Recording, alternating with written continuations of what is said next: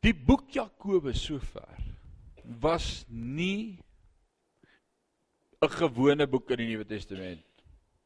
Geskryf van 'n groep en soos wat Paulus se manier was waar hy begin het by die begin en dit sistematies deurgewerk het na die einde toe Jakobus is 'n ander man gewees. En hy sê ding reguit op die man af, slaan met die vuis in die gesig, sê nie jammer nie. Uh Jakobus is is bietjie konfronterend. Dis dis 'n mooi Afrikaanse woord, konfronterend. Hy daag jou uit. Hy challenge jou regtig die heeltyd met jou motiewe. Hoekom jy dinge doen? En elke keer as ons hier uitstap of as ek voorberei vir Jakobus, dan moet 'n ou jou hart ondersoek en sê, "Eers, like, is dit nie dalk vir my nie? Is dit nie dalk waar my probleem is nie? Is dit nie dalk ek wat moet verander nie?" En keer op keer in Jakobus sover het hy elke keer met ons gepraat oor issues in ons lewe, goed wat ons moet aanspreek En ek loof die Here, dis alles deel van heiligmaking. As Jakobus my sis op die skouer as ek hier uitstap en ek voel, "Jesus, maar hy sê daarom nie ek's nie te bad nie, ek's heel okay." Dan dan's daar 'n probleem. Die woord van die Here leer vir ons, Paulus sê vir Timoteus, hy sê in die laaste dae sal mense vir hulle predikers bymekaar maak wat hulle sal streel op die gehoor. Wat wil jy hoor dan sê ek dit vir jou? Nou, Eh, Jakobus sê hy het nie 'n saak wat jy dink jy wil hoor nie. Hy sê vir jou wat die Heilige Gees hom inspireer om te sê. Hy's reguit, hy praat oor geloof, hy praat oor werke, hy praat oor moenie so moun as jy deur krisisse gaan nie. Hou net op moun en wees bly. Hy uit 'n heeltemal 'n ander approach. Hy's nie 'n goeie beraader nie. Hy sou dit nie gemaak het as 'n beraader nie. Hulle sou hom gefire het. Hy sou geen pasiënte gehad het wat vir hom kom sien nie, maar weet jy wat? As jy sy raad volg, gaan jou lewe verander, jy gaan nooit weer dieselfde wees nie. Ek dink dis dalk meer hoe beraders moet wees. Om te sê, weet jy wat jy het nodig om die waarheid te hoor? Hou op moun, raak bly vir 'n slag en by the way jy sê jy glo, wys my dat jy glo. Begin dit om te doen.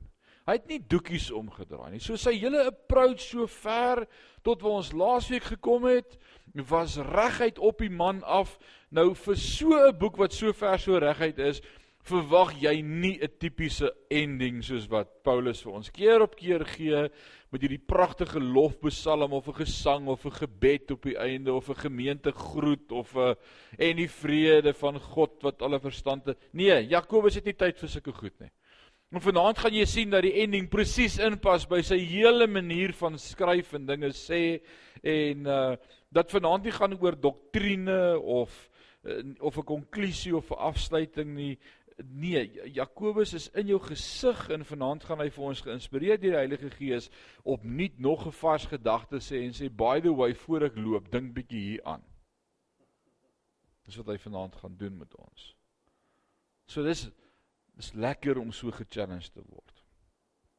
Daar is weer eens nog 'n praktiese waarskuwing vanaand en Jakobus stop met dit. En dan is dit af asof Jakobus sê loop nou en gaan doen dit. Daar's eers tyd vir baie sê of vir groet of namens wil amen nie. Dis so asof Jakobus net omdraai en wegstap en sê ek het nou alles gesê. So dis wat ons vanaand gaan beleef. Nou nou vanaand Vanaand gaan ons op hierdie laaste twee verse van Jakobus kyk. Nie net gaan dit prakties vir elkeen van ons wees nie, want dit gaan, glo my.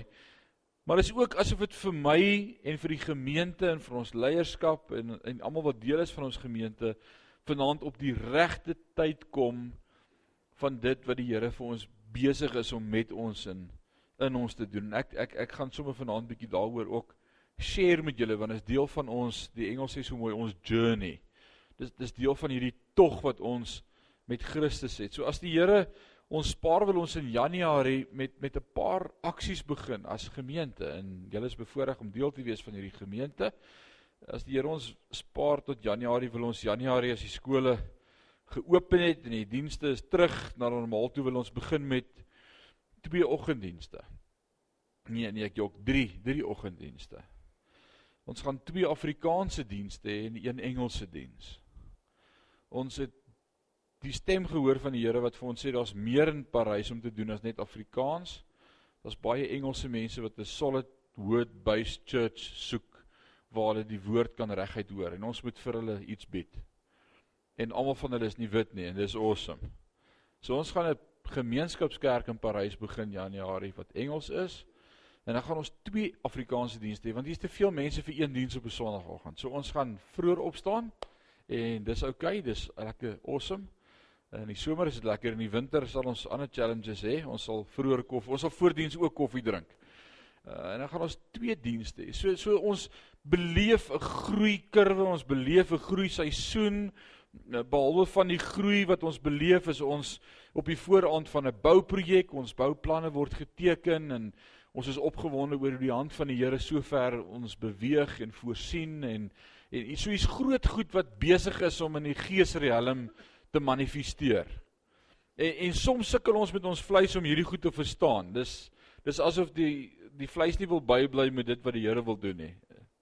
En dis wat ons beleef op hierdie stadium en en alles wat hier gebeur. Nou dit laat my dink aan die aan die verhaal van die drie konings wat ons daar in die Ou Testament lees in in 2 Konings 3 lees ek hierdie stuk geskiedenis en ek, ek wil dit vanaand ingooi voordat ons begin met Jakobus koning Josafat en koning Agab en die koning van die Edomite hierdie drie konings besluit saam hulle vorm 'n komplot en hulle sê ons gaan saam optrek teen die Moabiete om hulle oor aan te sit. En hierdie drie konings voeg hulle magte bymekaar en hulle is in die woestyn in op pad om die Moabiete te gaan verslaan en dan in die woestyn beleef hulle 'n krisis. Wat gebeur in die woestyn? Die water droog op. Al hulle drinksakke en watersakke en waterbottels droog op.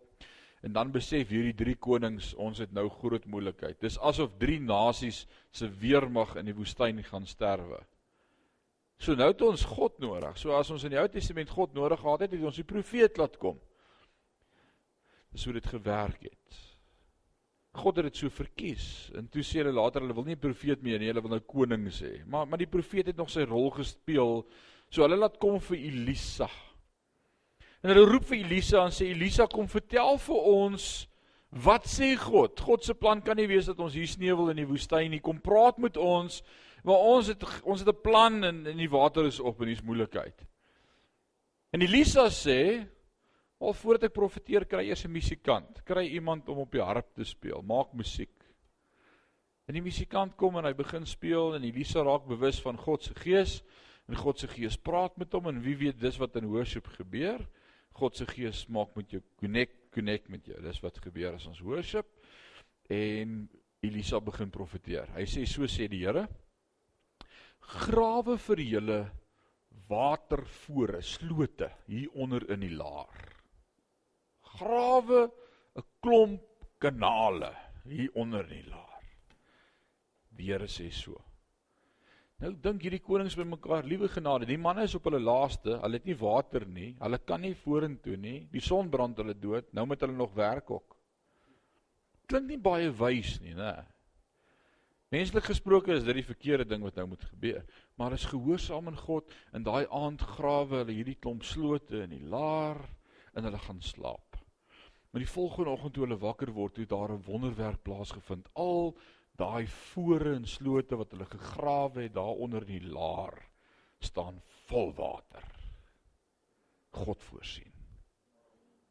Maar hy het vir hulle gewaarsku en gesê grawe genoeg fore Laat my dink aan 2 Konings 4 waar Elia die profete seuns hierdie vroutjie haar man is oorlede en en en hier kom die slawe uh, die slawe drywers om uh, en die skuldeisers by hierdie weduwee aan en sê ons gaan jou seuns van jou wegvat om vir ons te kom werk want jy skuld ons geld en sy het nie meer 'n man nie en dan kom sy by die profeet en sê help, ek het niks in my huis oor nie. Ek is bankrot, hulle gaan my seuns vat. Ek het nie kos om vir hulle te gee nie. Is daar nie dalk 'n wonderwerk nie? En dan sê die profeet vir haar bring vir jou bakke. Maar bring genoeg. Kom met geloof. Moenie te min maak by mekaar. En dan kom sy met hierdie klomp bakke en dan sê die profeet vir vat daai ou bietjie olie wat jy het want dit is al wat sy gehad het dan vat jy dit en dan gooi jy dit uit in daai kanne en dan kyk jy wat gebeur. En so gaan leen sy 'n klomp kanne en maak die deur toe en sy en haar seuns en hulle vat en hulle begin gooi en soos wat hulle begin gooi word al daai flesse en kanne en potte en bakke vol olie. Maar die oomblik toe die potte op is, toe stop die olie. En as die Here met ons oor die goed praat dan asof hy vir my sê die, Here het ons gebless in Sion met 'n pragtige jaar en en, en hy het ons gebless by woordskool en en, en die Here is goed vir ons en en, en julle is vol getap met die evangelie en die goeie nuus en die boodskap en gereed om enige duiwel tot bekering te bring met alles wat julle by woordskool geleer het en en, en ek beleef net asof die Here vir my sê in hierdie nuwe seisoen wat gaan begin Januarie. Maar ons nie te min voor krap nie. Ons moet nie ons moet nie te min potte bymekaar maak nie. Ons geloof moet nie te min wees nie. Maar dit gaan awesome wees. God gaan nuwe mense byvoeg. Ek glo dit. Mense met wie jy gaan deel, jou bure gaan tot bekering kom. Die ou oorkant jou, die ou met wie jy deel en werk. Hou net aan om die goeie nuus van die evangelie te deel. Die goeie nuus, nie good views nie, good news, nee, goeie nuus. Ons het nie opinies oor die Bybel nie, dis goeie nuus. Mense se lewens gaan verander word. Parys het dit nodig. Parys is droog. Ek sien mense in die strate stap met strak stoere morbiede depressie gesigte. Ernstig. Mense het God nodig. En jy sê amen. Parys het die Here nodig. En die Here sê vir Sion krap vore diep genoeg sodat daar sal water wees vir baie meer as net vir Sion. Ek droom van 'n plek wat ons kan volmaak uit mense uit wat by God uitkom. Ek ek ek droom van 'n van 'n plek waar waar ons die woord kan hoor maar ook kan uitgaan en verskil kan maak. Ek ek ek droom van 'n plek waar die Here mense omkeer en dis wat in Parys gaan gebeur. En dis awesome as as daardie wêreldse ouens tot bekering kom. Maar Jakobus se laaste twee verse vanaand deel nie met bekeerlinge uit die wêreld uit nie. Ek wil hê jy moet hoor wat hy deel. En ek dink ons het nodig om dit vanaand te hoor. Kom ons hoor wat sê die woord van die Here. Want hierdie laaste twee verse, vers 19 en 20 deel met 'n spesifieke groep mense wat reeds by Christus uitgekom het en nie meer deel is van die gelowiges nie. Kom ons lees dit saam. Jakobus 5 vers 19 en 20. Broeders, as een onder julle van die waarheid afgedwaal het en iemand hom bekeer, laat hy weet dat die een wat 'n sondaar van sy dwaalweg bekeer, 'n siel uit die dood sal red en 'n menigte sondes sal bedek. Hoor mooi broeders, susters, elkeen lidmate. As een onder julle van die waarheid afgedwaal het en iemand hom bekeer, laat hy weet dat die een wat 'n sondaar van sy dwaalweg bekeer, 'n siel uit die dood sal red en 'n menigte sondes sal bedek. Jakobus praat nie nou van 'n verlore groep mense wat nog nooit die evangelie boodskap gehoor het nie. Hy praat van mense wat deel was van 'n gemeente, wat deel was van die liggaam van Christus, wat deel was medegelowiges en iewerster net begin afdwaal het. Begin wegdwaal het. Die woord afdwaal wat hier gebruik word in my 3353 vertaling is die Griekse woordjie planeio. Planeio. Waar ook die Engelse woord planet vandaan kom en afgelei is, planeio, afdwaal en dis asof hy die letterlike vertaling sê 'n hemelse wandelaar.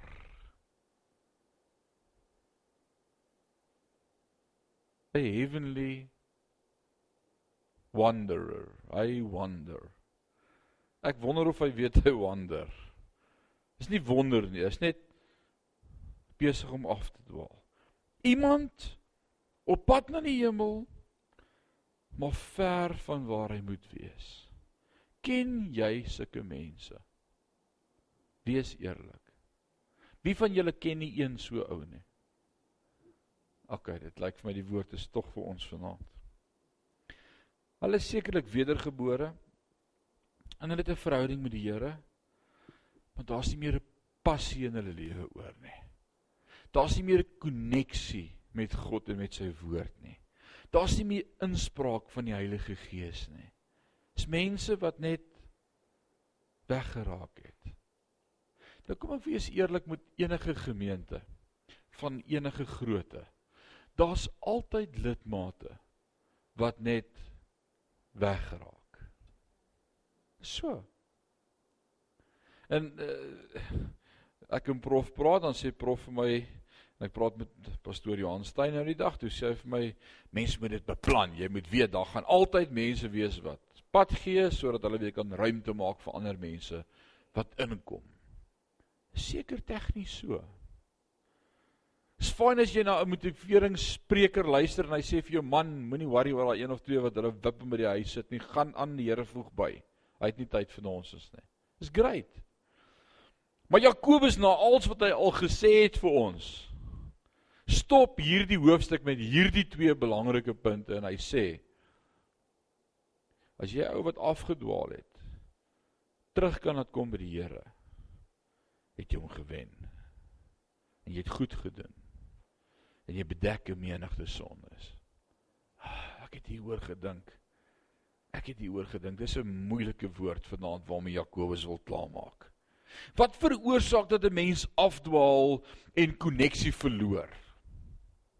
Wat wat maak dat 'n mens ewe skielik net onbetrokke raak en uitsak? En, en kom ons wees eerlik vanaand. Ons moet vanaand uit ons eie lewens ook uitpraat want sekerlik was jy al ge-challenge op 'n tyd in jou lewe waar jy gevoel het ek gaan net uitsak en by die huis begin bly.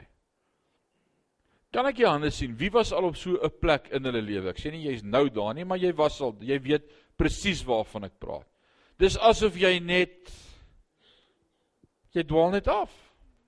En dis wat Jakobus van praat. Nou kom ons vra vir mekaar vanaand 'n paar vrae. Wat veroorsaak dat jy disconnect met die familie?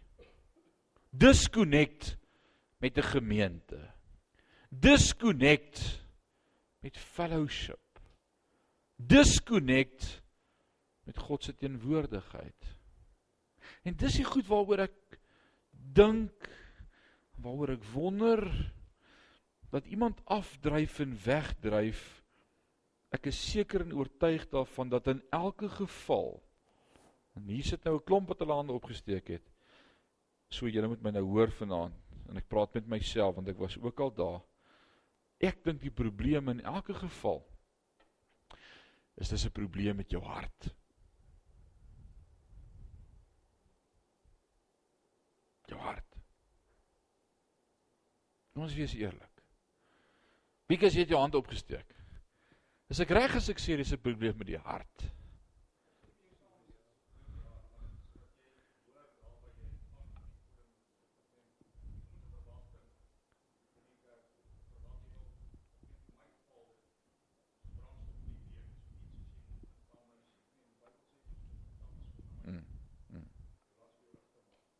En dan waar gebeur daar 'n ding? Dan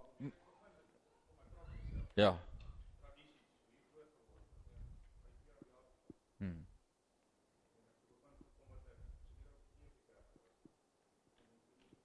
En dan nader aan sit jy met 'n ding in jou hart, maar jy's net nie meer deel van die familie nie. Jy's gedisconnect. Jy jy voel net nie meer dis waar ek wil wees nie.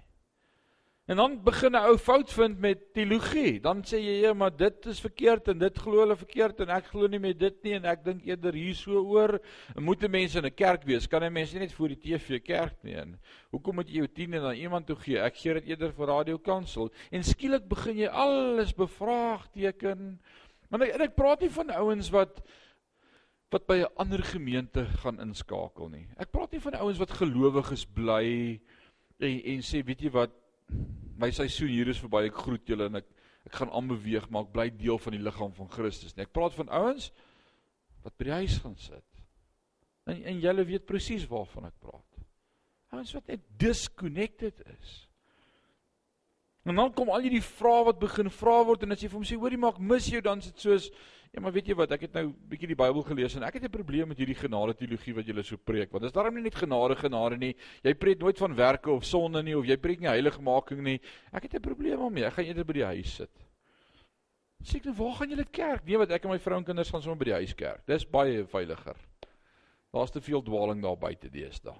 Dis 'n probleem van die hart En ek wil jou eerlik wees, as jy eerlik gaan wees, dis eintlik iets anders. Dalk het iemand op jou plek gesit Sondag of of iemand het vir jou gesê, "Jy moet ek het jou lanklaas by die kerk gesien. Jy besluit hoor ek is nie daarom veroordeel te word nie. Ek laat nie vir my vertel ek was lanklaas by die kerk nie." Daar's daar's iets in die hart. Nou hierdie groep ouens het gedisconnect. Hulle het disconnected geword. En dan kon ons maklik sê, "Bless hulle. Stuur hulle. Dat hulle gaan." Kry vir jou. Maar Jakobus sê, "Ah, uh, nadat hy oor alles gepraat het, nadat hy gepraat het oor jy wat so in omstandighede is en mou na oor hou op mou en wees bly en o, jy sê jy weet nie wat om te doen nie. Vra vir die Here wat moet jy doen? Hy gaan vir jou sê wat moet jy doen. O, jy glo nie dit die Here vir jou gaan sê nie. Jy gaan onbestendig wees in al jou weë. Jy moet glo, jy moet met geloof bid in jou hart. Nee nee nee, jy praat heeltemal te veel. Jou tong is in die hel in die brand gesteek. En dan praat hy oor dis hoe Jakobus hierdie boek skryf. So die heeltyd besig om vingers te wys en te slaan en en vuur aan te steek en almal kwaad te maak en en almal ondersoek hulle harte en dan heel op die einde as hy klaar is met alles, dan is daar sekerlik 'n paar wat uit die gemeente uit verdwyn het. Het gesê hierdie prediking van hierdie Jakobus gaan ek nie langer na luister nie. En dan praat hy met hierdie laaste groep ouens wat nog die guts het om te sit vir nog 'n pak slaag. En dan sê hy vir hulle, weet jy wat? Gaan al daai ouens daar buite wat nie meer deel is van die fellowship nê. Want as jy so iemand teruggered en hy kom tot bekering. Nou wat is die woord bekering? Die woord bekering is dis nie die woord wedergeboorte nie. Met ander woorde, dis iemand wat 'n Christen is, hy is 'n kind van God, hy gaan hemel toe, hy is deel van die familie van Christus, maar hy's gedisconnect. So wat sê die woord in Openbaring 2 en 3 vir ons sewe briewe aan die sewe gemeentes en elke keer skryf Johannes, hy sê Jesus sê dit is teen julle, julle het julle eerste liefde verlaat, maar kom tot bekering, bekeer jou van jou werke. Wat beteken bekeer? Maak 'n omdraai. 'n 180 grade draai, 'n omkeer, 'n omswaai. Romeine 12 vers 2 dink anders. Vernuwe jou gedagtes. Hou op dink in daai rigting en begin dink in daai rigting. Dink net. Dink oor. Hy sê as jy hierdie ou kan kry om oor te begin dink en weer deel te raak van die familie, het jy so goed gedoen. En jy bedek 'n menigte sondes. Want dit is 'n awesome gedeelte. Laat my dink aan Petrus.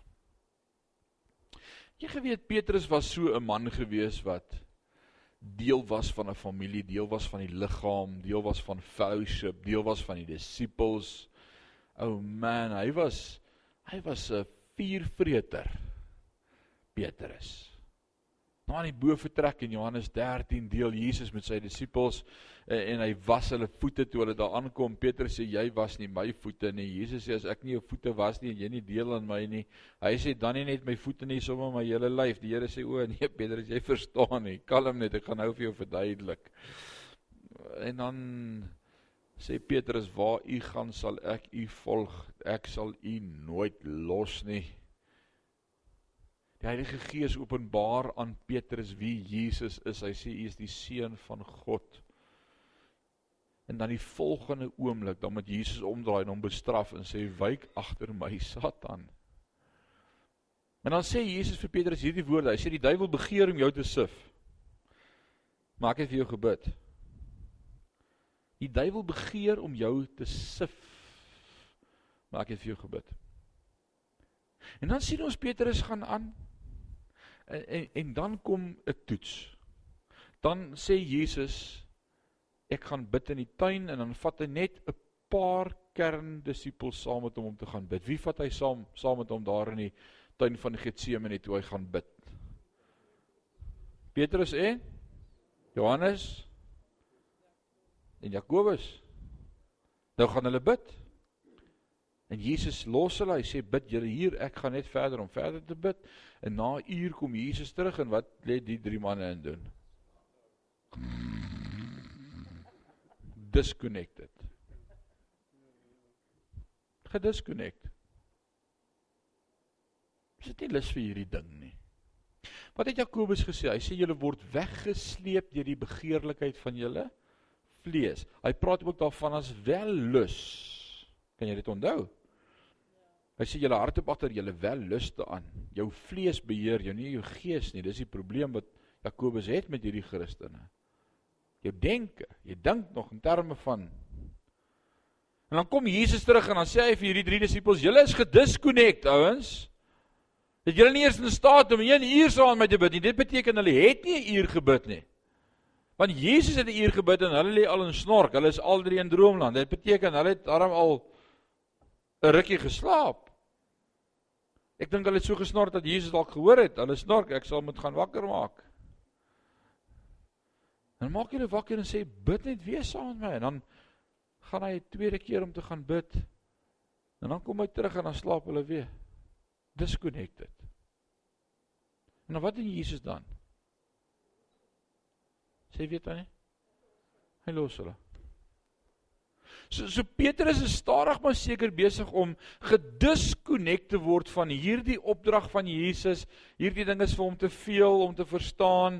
Hierdie boefretrek was net te veel. Hy wou net nou nog vir Jesus sê dat ek jou voete was. Jesus wou nie. Dalk het hy nog 'n vark in sy hart. Hy het hom gewip daaroor. Uh daar's emosie. Hy lê en slaap terwyl Jesus bid. Hy's glad nie op dieselfde stasie as dit wat in Jesus se lewe gebeur nie. Hy het nie 'n idee Jesus is op pad na die dood toe en hy sweet druppels bloed. Hy's op 'n ander stasie, hy's gedisconnect. Hy's 'n disipel, ja. But he's got something in his heart. Nou word daai ding in sy hart iets wat maak dat hy disconnect met Christus. In die volgende oomblik toe kom hier 'n klomp army manne op pad na Jesus toe om hom te kom arresteer. Nou dis wat disconnected ouens doen. Hulle pluk swaarde uit. Maar maar nou dat jy dit weet, gaan jy pas op as die swaard swaai. Oppas. 'n Ou wat gedisconnect is, swaai die swaard rond. Hulle daar's verwyte. Daar's aggressie. Daar's En dan wat gebeur toe daarna? Toe hy Melchus se oor afgekap het. Hy hardloop weg. En dis wat gebeur. En dan daar in die tuin verloon hy Jesus drie keer. En dan sê hy ek het nou genoeg gehad van hierdie storie. Nou gaan ek terug na waar ek vandaan kom. Ek het nie meer lus vir die disippels nie. Ek het nie meer lus vir Christus nie. Ek wil nie weet van die kruisiging nie. Ek wil nie weet wat verder gebeur het nie. Ek gaan visvang. Ek gaan visvang. En dan gaan vang hy vis. En waar kom soek Jesus vir Petrus? By die viswater. By die viswater. Jesus gaan haal daai ou met die vark in sy hart. En hy sê ek dink jy moet terugkom. En dan sê Jakobus die volgende, hy sê broeder, as een onder julle van die waarheid afgedwaal het, so ek sê nie as iemand sê man ek dien nog die Here maar ek skuif na 'n ander gemeente of na 'n ander kerk of ons trek nie. Ek praat van 'n ou wat net handdoek ingooi en halfdwaal en sê ek slaam met kerk. Hoeveel sulke ouens ken jy? Ek ken sulke ouens. Sê ek slaam met kerk, slaam met kerk. As een van julle van die waarheid afgedwaal het, as as iemand hom bekeer, laat hy weet dat die een wat 'n sondaar van die dwaal weg bekeer, 'n siel uit die dood sal red en 'n menigte sondes sal bedek. Hoor jy wat hoor jy wat sê Jakobus?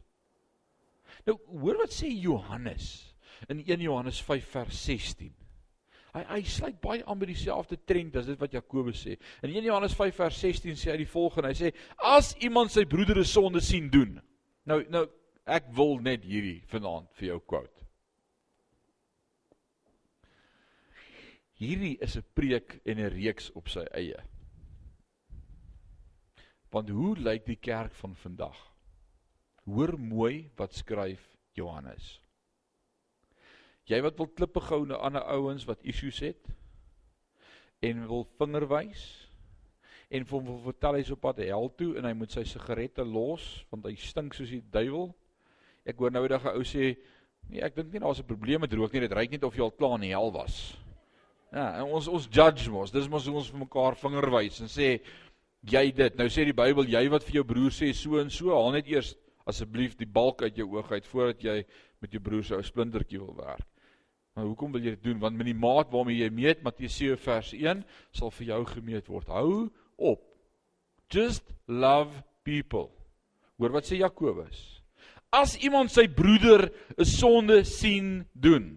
Nou kom ons stop net 'n oomblik daar. Wie van julle het al ooit iemand anders 'n sonde sien doen? Steek op jou hand. Kom nou nie lieg nie want dan gaan ek nou 'n klomp sien sonde doen hier voor my. Steek op jou hand. Alraai. Almal het al iemand sonde sien doen. Wat was jou eerste instinktiewe reaksie gewees as kind van God? Hey, dis sonde. Kom aan, wees eerlik. Is dit nie wat ons doen nie? Stop jou nonsens. Bestraf jou in die naam van die Here. Nee man, kind van die Here maak nie so nie. Ons spreek oordeel. Ons judge. Nou hoor wat sê Johannes. Hy sê as iemand sy broeder 'n sonde sien doen wat nie tot die dood is nie, dan moet jy bid en God sal daardie broer die lewe gee. Vir die wat nie die sonde tot die dood doen nie, daar is 'n sonde tot die dood en daarvoor sê ek nie dat jy moet bid nie. As jy jou broer 'n sonde sien doen en jy sê vir die Here, "O oh, Here, ek is seker sy wou dit nie nou gedoen het nie." Moet dit nie hardop in voorraad doen nie, hoor, sy gaan vir jou doodmaak. Maar ek bedoel, in jou gedagtes. Mens en jou vrou doen nou iets en jy kyk vir haar en sê, "Ag Here, help haar tog nie, want sy wou dit regtig nie gedoen het nie." Dis dis nie. Ons kan baie keer deur ons woorde baie seer maak. Ons klink so geestelik. Hy sê as jy broer se sonde sien doen wat nie tot die dood is nie en jy vra vir die Here opreg, Here. Ek kan nie glo dat ek dit gesien het nie, maar Justin het sopas dit gedoen. Wil jy hom nie asseblief vergewe nie? Dan sê die Here, ek vergewe hom. Klaar. Wat doen ons? Ooh, het jy gesien? Het jy gehoor? Ek wil nou nie skinder nie, maar jy moet asseblief saam met my bid ernstig bid. O, dit klink so geestelik en so heilig en dan skinder ons.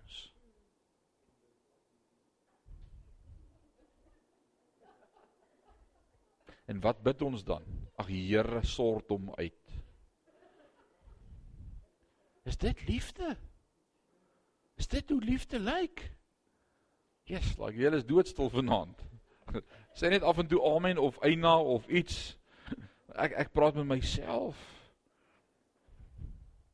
As 'n sonde aanhou en aanhou en jou gaan weghou van God af. En gaan skeiding bring tussen jou en God se plan vir jou lewe. Dan dink ek soms God sê Ek wil nie toelaat dat daai sonde tussen my en jou staan nie. Gaan haal hom net dat hy hier by my kan kom asseblief.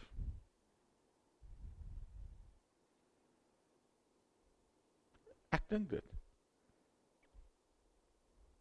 Ek sê nie as iemand vroeg doodgaan dat daar sonde in sy lewe was en dis hoekom die Here hom kom haal het nie.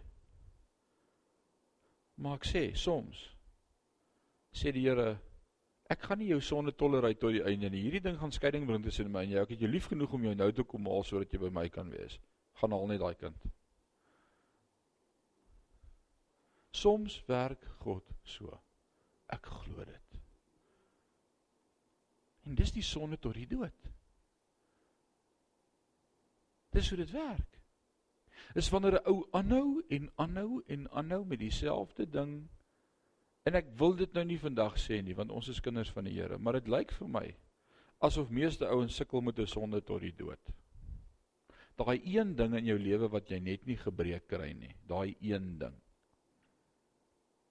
God die Here moet ons help.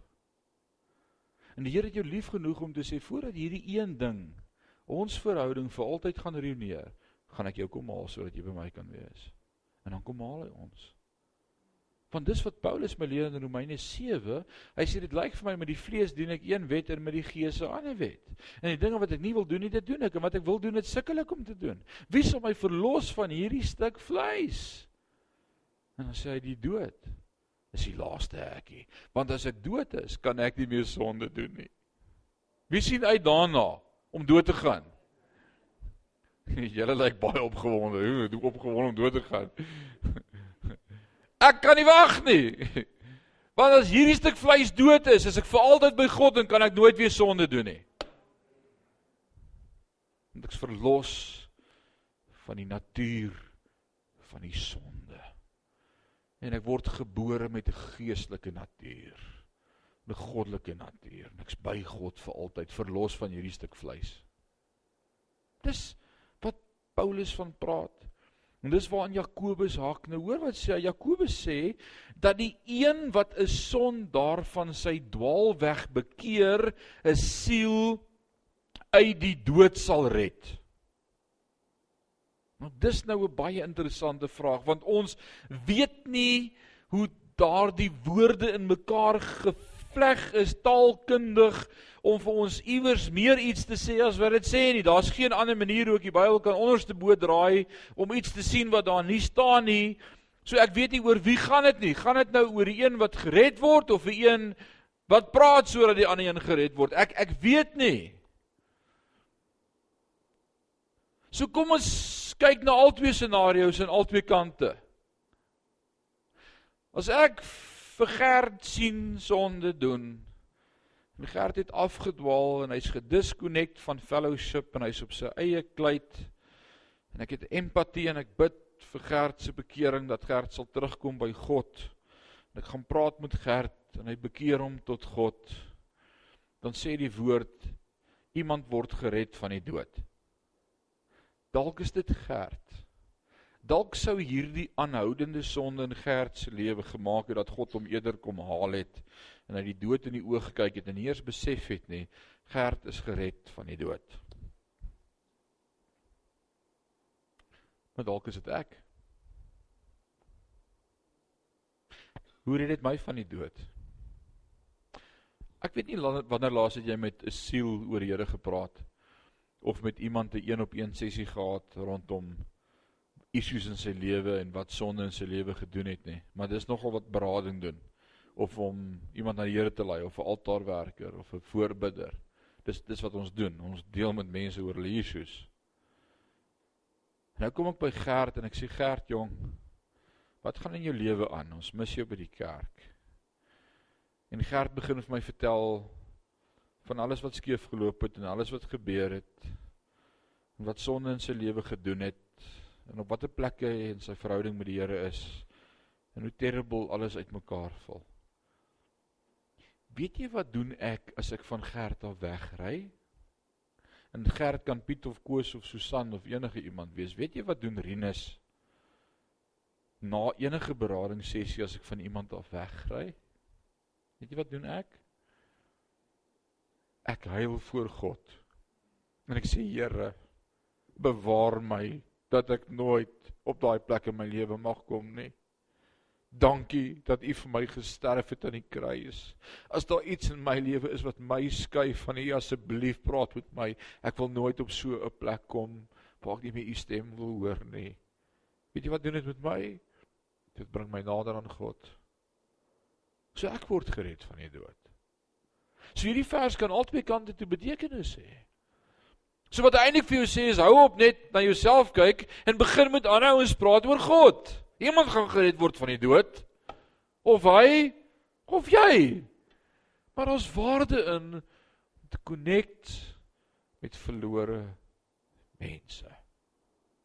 Dis waarmee Jakobus probeer klaarmaak. Hy sê 'n menigte sondes sal bedek. Die interessante ding met hierdie frase is dat 'n mens logisties nie seker kan wees van wie die sondes en die sondaar is wat bedek moet word nie. Ons ons weet nê. Maar ek weet een ding vanaand. Dis albei kante van die muntstuk vanaand het waarde. As ek met jou deel oor jou sonde en jou bekeer, dan word jy gered. As jy jou nie bekeer nie, dan ry ek daar weg en ek sê Here help my. En dalk word ek gered. So wat sê Jakobus vanaand vir ons uit hierdie gedeelte uit? Broeders, as een onder julle van die waarheid afgedwaal het en ons het almal vanaand gesê ons ken so 'n persoon. Ons ken almal so 'n persoon. Hy sê en iemand hom bekeer, laat hy weet dat die een wat 'n sondaar van sy dwaalweg bekeer, 'n siel uit die dood sal red en 'n menigte sondes sal bedek. En dan draai Jakobus om en hy stap weg.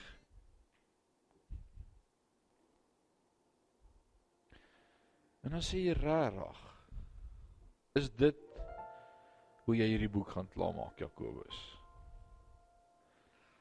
En dit is so asof asof jy wil hê jy moet vir 'n oomblik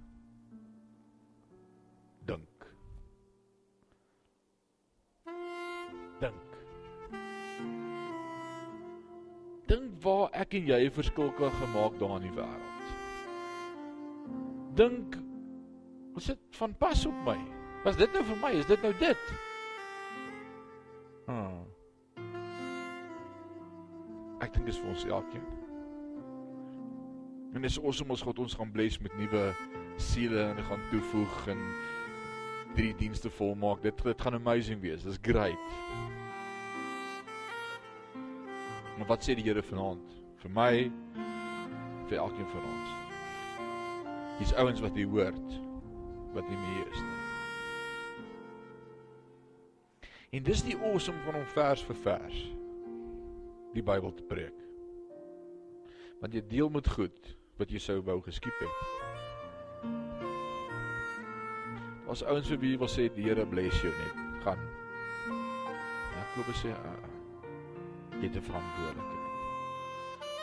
Maar ek wil met elkeen van ons praat vanaand wat ouens ken wat het verdwyn het.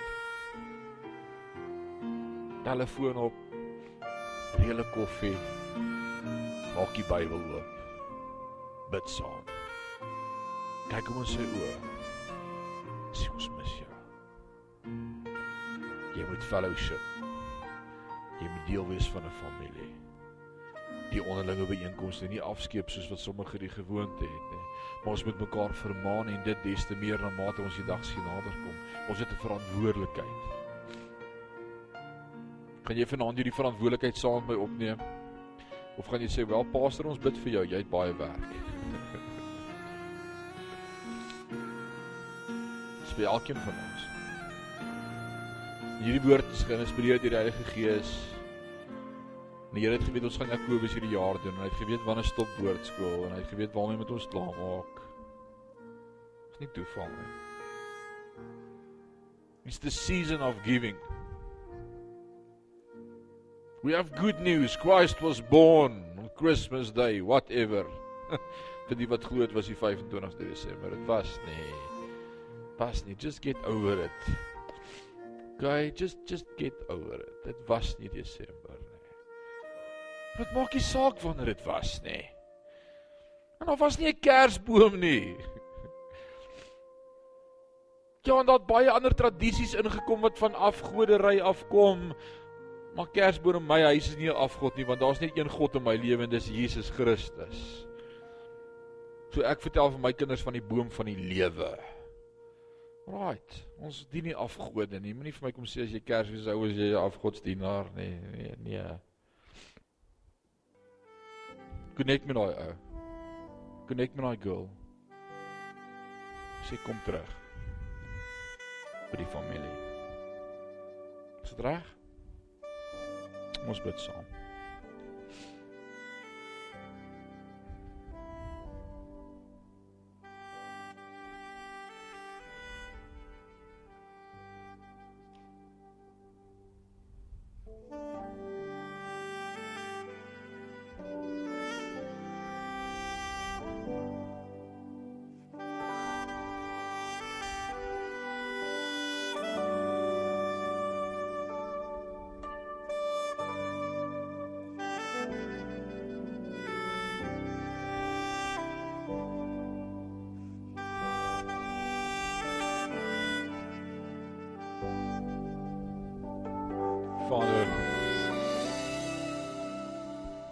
It's awesome om vanaand saam te kan sing my chains are gone I've been set free. My God my savior has ransomed me. Like a flood his mercies rain. Unending love, amazing grace. Ons kan dit vir onsself hou nie. Vanaand konfronteer Jakobus ons geïnspireer deur die Heilige Gees geskrewe in die woord. En hy sê vanaand vir elkeen van ons as daar ouens daar buite is wat teruggesak het, uitgesak het, moeg geword het. Disconnected is. Sal dit wys wees as hulle bekeer en terugkom. Ek wil vanaand bid gee ons 'n 'n passie en 'n hart gee ons 'n passie vir ons eie broers en susters wat die pad byster raak. O, gee ons genade met mekaar asseblief, Here. Gee ons net liefde vir mekaar. Ons sê so maklik ons het U lief. Maar ons het nie ons broers en ons susters lief nie. Dan lieg ons, sê Johannes. Hoe kan jy sê jy het God lief? Maar jy het nie God se mense lief.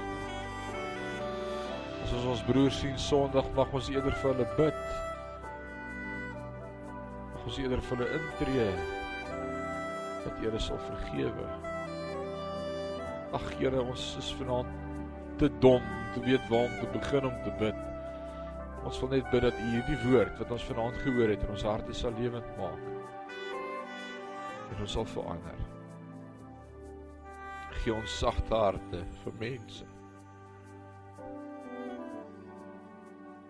Gee ons empatie vir verlore siele. Gee ons 'n passie en 'n liefde vir die wêreld. Here, ek wil bid vir Sion. Dis u huis. Dis u kerk. Is met ons besig en is 'n awesome journey waarop ons is. Dankie dat U vir ons voorsien na die rykdom van U genade. Dankie vir ons planne wat U vir ons gee vir volgende jaar. Here, ons beplan maar net, maar dis U wat laat reën. Dis U wat ons bless en ek wil bid dat dit voorspoedig sal wees. Al ons projekte, ons kerkbouprojek en ons drie dienste, Here, dat ons sal weet ons doen die regte ding dat die Heilige Gees met ons sal wees en wil bid vir die vakansietydperk wat voorlê. Here, ek wil vanaand bid vir volgende Sondag aand. Ek wil bid dat dat u siele sal toevoeg by die koninkryk. Ek wil bid dat dit 'n bekeringsgeleentheid sal wees. Ek wil bid dat elkeen van ons hierdie week hierdie boodskap sal uitdra en mense sal nooi omdat ons hulle liefhet, dat hulle sal kom hoor wat sê God se woord en dat ons saam net gebless en gestig mag wees oor hoe wonderlik u woord is. Ek wil bid Vader dat ons volgende Sondag aan hierdie kerk sal volmaak en en en dat mense sal kom met 'n verwagting om te hoor wat sê God se woord. U is so getrou en U's awesome. Wil bid hou ons hierdie week vas in die holte van die hand. Stort die liefde oor ons uit. Herinner ons met wie ons moet praat. Gee ons geleentheid om te praat. Ons eer U daarvoor. Ons het U lief vanaand, Here. Ons moet dit bely. Ons het U so lief. Want U het ons eerste lief gehad. Romeine 5 sê toe ons nog sondaars was, het U reeds U lewe vir ons gegee. En ons sê vir U dankie daarvoor. Word verheerlik. Dis my gebed in Jesus naam.